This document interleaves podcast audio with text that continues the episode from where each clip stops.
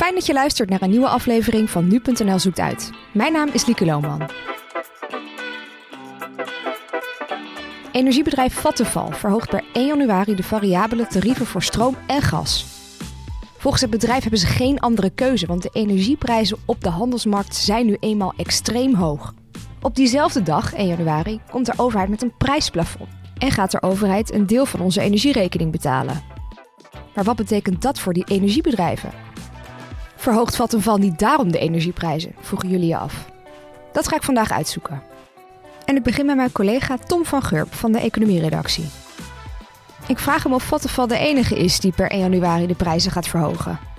Um, nou, dat is nog niet bekend. Vattenfall is al vrij vroeg met het bekendmaken van hun tarieven, maar vaak doen energieleveranciers dat pas 30 dagen van tevoren. Dus andere grote, zoals Eneco en Essent, uh, zullen dat waarschijnlijk pas later bekend gaan maken. En het is ook even afwachten of zij uh, hun tarieven gaan verhogen of verlagen. Uh, ik weet bijvoorbeeld bij Eneco, wat een hele grote speler is, dat zij de afgelopen tijd hun tarieven weer hebben verlaagd. Omdat zij de laatste tijd hun gas goedkoper hebben kunnen inkopen. Dat is een beetje het argument dat Vattenfall gebruikt. Die zegt, ja, we hebben de energie heel duur moeten inkopen. Willen ze dan daar als eerste vanaf? Ja, dat ze onze eerste dure gas willen verkopen voordat ze hun tarieven weer kunnen laten dalen. Dus het is echt nog eventjes lastig om uh, te voorspellen wat de energieleveranciers per, uh, per 1 januari gaan doen. Nu treedt per 1 januari ook het prijsplafond in werking. We hebben er al veel over geschreven op nu.nl, maar misschien kun je nog één keer uitleggen hoe dat nou precies werkt en wat er precies gaat veranderen. Uh, nou, wat het prijsplafond wil doen, is dat het de energierekening voor mensen een beetje betaalbaar wil houden. Door zowel voor stroom als voor gas een maximumprijs in te voeren. Voor gas wordt dat 1,45 euro per kuub en voor stroom is het 40 cent per kilowattuur. Maar die tarieven gelden tot een bepaald verbruik. Als het gaat om gas mag je niet meer gebruiken dan 1200 kub per jaar. Uh, en bij stroom niet meer dan 2900 kilowattuur per jaar. Doe je dat wel, dan ga je de gewone en dus vaak hogere marktprijs betalen. Blijf je binnen dat maxima, dan zal je energierekening nooit hoger worden dan ongeveer 240 euro per maand. Tom, de overheid neemt dus een deel van de rekening over. En dat betekent dus dat zij dus eigenlijk die energiebedrijven gaan betalen in plaats van wij. Ja, dat klopt. Dat klopt. En uh, er is nogal behoorlijk wat discussie uh, ontstaan over hoe dat dan precies plaats moet vinden. Omdat er vrees bestaat dat uh, uh, energieleveranciers hun tarieven flink gaan verhogen. In de hoop dat de overheid dan extra gaat bijleggen. Ja, en dat is dus precies wat jullie ook zeggen. Vattenfall gaat de tarieven verhogen om zo meer geld te krijgen van de overheid. Dat is forse kritiek, maar volgens Martin Visser, lector energietransitie aan de Hanse Hogeschool Groningen, kunnen we eigenlijk niet zeggen of die kritiek wel terecht is. Ik denk eigenlijk dat hij niet terecht is, maar ik weet dat niet zeker. Het is zo dat bedrijven die kopen geruime tijd van tevoren kopen ze hun gas en elektriciteit in. Sommigen doen een korte termijn, drie maanden. Maar er zijn ook bedrijven die langere periodes inkopen, zes maanden of negen maanden of nog wel langer misschien wel. Ik ken de, de inkoopstrategie van Vattenfall niet. Maar stel je voor dat ze het in een periode van zes maanden inkopen. Dan hebben ze het ook afgelopen zomer ingekocht. En afgelopen zomer waren de prijzen juist enorm hoog. Ja, dan zou het dus eigenlijk logisch zijn hè, dat die prijzen zo hoog zijn. Maar speelt het prijsplafond dan helemaal geen rol in deze verhoging? Nou ja, dat weet je natuurlijk nooit. Het zijn, uh, ja, weliswaar is Vattenfall een, een overheidsbedrijf. Hè, van de, het is in de handen van de Zweedse overheid. Maar ja, het is wel een echt bedrijf wat probeert zoveel mogelijk winst te maken. Ja, ik, denk uiteindelijk, uh, mede ook omdat de overheid een deel van de rekening gaat betalen, zal de overheid ook wel inzicht krijgen in hun inkooppportfolio je moet toch wel een beetje dom zijn, denk ik, als bedrijf om daar misbruik van te proberen te maken. Dat prijsplafond is dus vastgesteld op 1,45 euro per kubieke meter gas en op 40 cent per kilowattuur stroom. Ja.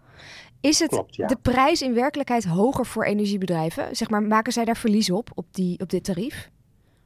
Ja, ja, ja. Nou, ja, verlies de overheid moet bijleggen. Martin Visser heeft uitgerekend hoe dat eruit zou zien met gas. De huidige gasprijs die is, ja, die is net weer heel erg omhoog gegaan. Maar stel je voor dat het 1 euro is per kuub. Nou, dan zit daar nog een, een premie op voor het risico wat de bedrijven lopen. Want als het een koude winter wordt, dan gaan wij thuis allemaal veel meer gas gebruiken, maar wel voor die vaste prijs. En daar moet wat ervan bijkopen op een markt waarbij iedereen koopt. Dus die prijs gaat dan enorm omhoog. En als de warme winter is, dan eh, hebben ze te veel gas ingekocht en moeten ze het verkopen. Maar dat doet ook iedereen.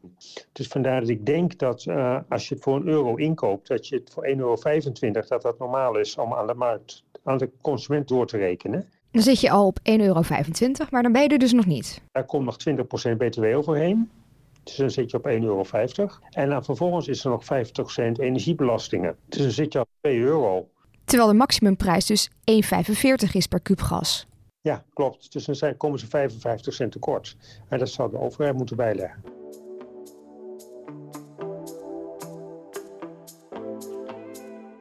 De overheid gaat dus geld bijleggen en eigenlijk is dat het grootste verschil van het prijsplafond.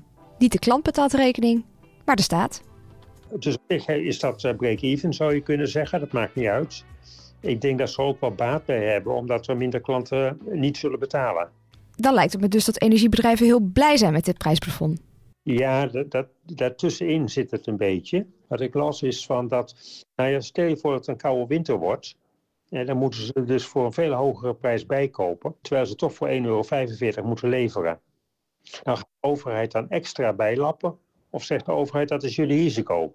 Nou, de, uh, over dat soort zaken zal worden gesproken nu tussen de overheid en de energiebedrijven. Ja, waarbij de overheid ernaar streeft om zo weinig mogelijk te betalen en de risico's bij de energiebedrijven te leggen. En de energiebedrijven, het zijn allemaal commerciële bedrijven, die zullen proberen zoveel mogelijk geld binnen te harken en de risico's maximaal bij de overheid te leggen.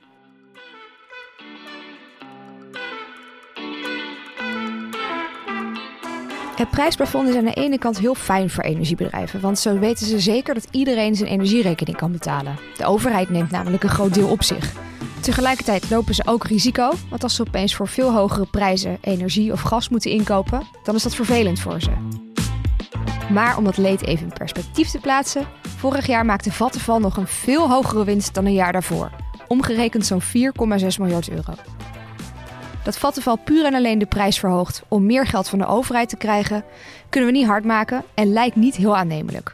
Al is het alleen maar omdat als de overheid daarachter komt, het maar zo kan zijn dat ze helemaal niks meer gaan compenseren aan Vattenfall. En dan zijn ze nog verder van huis. Dat was hem weer voor deze week. Bedankt voor het luisteren en vergeet je niet te abonneren op deze podcast. Dat kan via Apple Podcast en ook via Spotify.